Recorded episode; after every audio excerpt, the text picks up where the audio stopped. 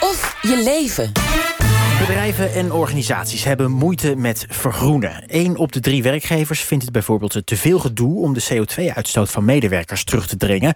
En het zijn vooral midden- en kleinbedrijven die daarin achterblijven. Dat blijkt allemaal uit onderzoek van adviesbureau Berenschot dat deze week werd gepresenteerd. En bij mij te gast is Hans van der Spek van Berenschot. Goedemiddag, fijn dat u er bent. En naast u zit Konstantinos Kouzedis. Hij heeft met zijn bedrijf Coolset een heel vernieuwende manier bedacht om bedrijven te helpen met vergroenen. Ook welkom uh, aan u, meneer Koezelis. Om te beginnen bij dat onderzoek, meneer Van der Spek. U heeft dat gedaan naar hoe bedrijven proberen de CO2-uitstoot van hun werknemers proberen terug te dringen. Op welke manieren kunnen bedrijven dat doen? Ja, misschien om het terug, even terug te pakken op het onderzoek. Het is een onderzoek, het HR Trendsonderzoek... dat we elk jaar uitvoeren samen met de AVAS en met de Performa. En uh, we benaderen dan HR-professionals en stellen al allerlei uh, vragen over de thematieken die hun bezighouden. En een daarvan is natuurlijk dat van, hey, hoe ga jij uh, vanuit de HR-portefeuille om met het vraagstuk rondom duurzaamheid? Ja. En wat je aangaf, een derde heeft daar geen beleid op, of geeft aan daar geen beleid op te hebben. Ja. 40% zegt, joh, we, we hebben al beleid in place. En het resterende deel, de, de 27% is aan het, nou, aan het overwegen van, nou, het is een punt, we moeten er echt wat mee. Uh, maar we zijn nog niet zover tot we het al in kan en kruik hebben. Is het bij die 30% onwil of ook onmacht? Ik denk haast dat het uh, niet echt onwil is. Maar dat het uh, vooral ook is van... Uh, ja, pff, er komt al heel veel op ons bordje. Want we zien ook vooral dat met hoe kleiner het bedrijf is... hoe groter het aandeel is van de mensen die aangeven... joh, we, we hebben nog geen beleid. Um, dus we moeten ook heel veel dingetjes doen. Uh, en dan is dit er ook een van. Um, en voor de anderen zal het wellicht ook zijn van... ja, poeh, waar te beginnen. Dus ik denk uh, wat dat betreft uh, een mooie combinatie ook deze setting. Ja. Dat ze wellicht inderdaad geïnspireerd ook kunnen raken... door ja, de oplossingen die in de praktijk al wel zijn. Ja, en wat meneer Koezeles, u bent de oprichter van Colset. U helpt bedrijven vergroenen. Dus er is nog wel een beetje markt voor u. Uh, er is zeker genoeg markt. Dus als we kijken naar de Europese Unie... Um, de Europese Commissie heeft gezegd dat vanaf 2025... elk bedrijf met meer dan 250 werknemers...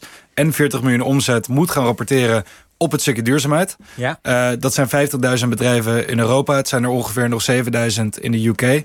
Uh, dat betekent dat ook ja, wat wij schalen onder MKB-bedrijven... dus tussen die 250 en 1000 werknemers... Mm -hmm. uh, actie moeten zullen ondernemen. Ja, helpt u ook alleen die grote bedrijven van meer dan 250 medewerkers... of kunnen kleine bedrijven ook bij u aankloppen? Nee, dus wij werken met uh, bedrijven vanaf 10 werknemers tot een 1000. Dat schalen wij onder MKB. Ja, en u heeft dus een hele eigen manier om bedrijven te laten vergroenen. Hoe ziet die eruit?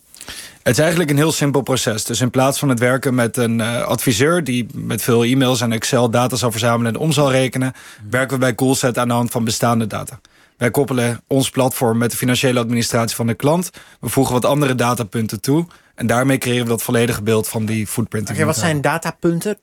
Ja, dus uh, de financiële administratie, daar kan je over nadenken als in dat. Ja, dus dan zie je in staande gaat uh, uh, 20% van de begroting gaat naar de verwarming, 10% naar nou ja, bedrijfsfeestjes, 5% naar de skireis. En, en die informatie die tel je dan bij elkaar op. Exact. En dat doen we niet op procentuele basis, maar dat doen we echt op per transactiebasis. Dus de losse laptop die is aangekocht, die wordt op die manier meegenomen. Als we daar verder gaan kijken, dan kijken we bijvoorbeeld ook naar werknemers, reisbewegingen, um, woon-werkverkeer, maar ook bijvoorbeeld hoeveel thuiswerkdagen per week zijn er op kantoor. Ja, en wat is dan de grootste CO2-last van de meeste bedrijven? Waar zit hem dat in? Ja, wij werken voornamelijk met uh, asset-light bedrijven, hoe we dat noemen. Dus uh, niet de grote cementproducenten of de, de mijnbouwbedrijven... maar de bedrijven die wat zwaarder zitten op de services. Je ziet dat daar technologie een groot onderdeel is van de footprint. En dat is bijvoorbeeld een onderdeel dat voorheen niet werd meegenomen in die assessment. Want hoe is technologie dan een groot onderdeel? Ja, je kan denken aan clouddiensten. Dus ook vandaag wat we doen, hè, de radio en, en de schermen om ons heen. Ja. Alles draait uiteindelijk op de cloud vandaag. En dan heb je ook de keus of... Um, eigenlijk de optie om te kiezen voor een klimaatneutraal platform. Want wat is bijvoorbeeld van... een klimaatneutraal platform... en wat is dan een heel vervuilende keuze? Ja, een, een hele vervuilende keuze zit tussen de grote niet meer. Dus uh, we hebben het dan over uh, Google Cloud Platform, Microsoft Azure en Amazon Web Services. Ja. Google Cloud Platform en Microsoft Azure zijn vandaag klimaatneutraal. AWS die werkt er naartoe om dat in 2025 te worden. Ja, dus als iemand, als u het programma dan in de begroting ziet van een bedrijf dat ze naar Amazon geld overmaken, dan zegt u snel daar weg, ga naar een van die andere uh, providers, want dan bespaart u een hoop CO2. Exact. En dat creëert ook weer de motivatie om uh, het, voor Amazon om die stap te gaan maken naar de verduurzaming van hun eigen product. Ja, meneer Van der Spek? Ja, ik, terecht kwam net even de, de opmerking voorbij van... Hè, dus Europese regelgeving die uh, ons gaat eh, helpen om hierover na te denken. Maar ik zou het heel erg jammer vinden als het dat louter en alleen de enige beweegreden is... om er uh, überhaupt met dit hele duurzaamheidsvraagstuk wat te doen. Ik denk ook dat het goed is dat die bedrijven die het horen... en ook zich realiseren van nou, ik ben niet zo groot... en ik voldoen niet aan die vereisten... dus ik hoef die rapportageplicht nog niet te doen. Ja, laat het alsjeblieft niet liggen. Ja. realiseer je dat de, de, de afspraken natuurlijk steeds meer ook ketengericht zijn. Dus als jij als kleine uh, eh, MKB'er misschien zelf niet aan het volume voldoet... maar wel toeleverancier bent van een grotere organisatie... die wel die rapportageplicht heeft... Ja. die zal dus die verantwoording moeten afleggen over zijn hele keten. Dus even zwart-wit, ook al lever ik alleen maar broodjes...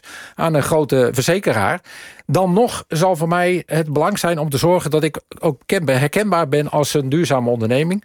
En ik denk ook dat het heel goed is om te realiseren... dat de, op de arbeidsmarkt, zeker de nieuwe instroom... steeds kritischer is ten aanzien van... Hey, dit is een potentiële werkgever. Hoe interessant is die voor mij?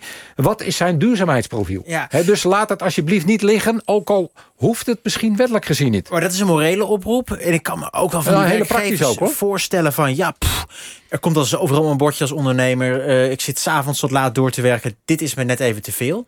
Maar ziet u dat die aanstormende regels van de Europese Commissie... misschien wel een soort mentaliteitsverandering veroorzaken bij die werkgevers? Ja, nou ja, ik, ik wat dat betreft... Valt u eh, die tegen? Nou, het valt mij een beetje tegen, hè, want de 40% die zegt... we hebben het al geregeld. Ik denk, nou, hoeveel uh, stormen uh, hebben we nog nodig, zou ik maar zeggen. Letterlijk en figuurlijk. Um, dus ik, ik had wel uh, gehoopt en eigenlijk ook wel een beetje verwacht... dat het percentage groter was. Ja. En ik ben een beetje bang voor een effect... dat we ook al gezien hebben met de AVG. Ja. Toen was het de topprioriteit op het moment dat het ingevoerd moest worden. Ja. Um, en vervolgens uh, appt het weer helemaal weg. En, ik, en dat kunnen we op dit, uh, dit dossier denk ik absoluut niet uh, veroorloven. Nee. En nogmaals, wat ik zeg, van, het, het, straalt ook verder uit als je eigen organisatie. Het beïnvloedt je, je positie ook op de arbeidsmarkt. Dus um, ja, het is misschien heel druk. Het zijn heel veel verschillende dingen. Ja, dat is zo. Maar, uh... Anders word je ingehaald door de realiteit. Nou, u kunt ze dus eh, helpen, de werkgevers, eh, meneer Koezelis.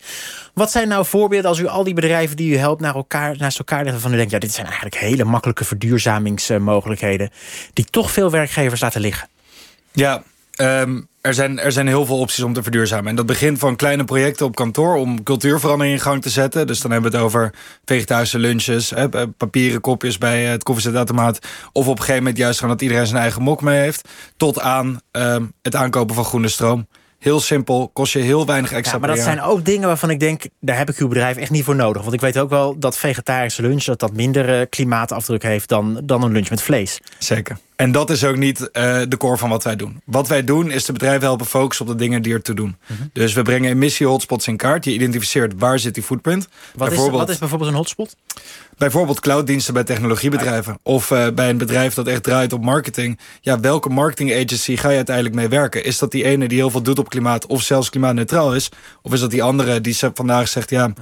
wij gaan voor de winst en we zien het in de toekomst wel. Heeft u wel eens met, een, uh, met de baas van een bedrijf gezeten... die echt schrok van uw analyse? Ik denk uh, dat echte schrik uh, tegenwoordig niet meer voorkomt. Mensen weten dat ze dingen goed doen of niet goed doen. Ik denk wel dat de realiteit vaak uh, ja, toch, toch wat harder binnenkomt dan, dan dat je hoopt. maar het mooie is.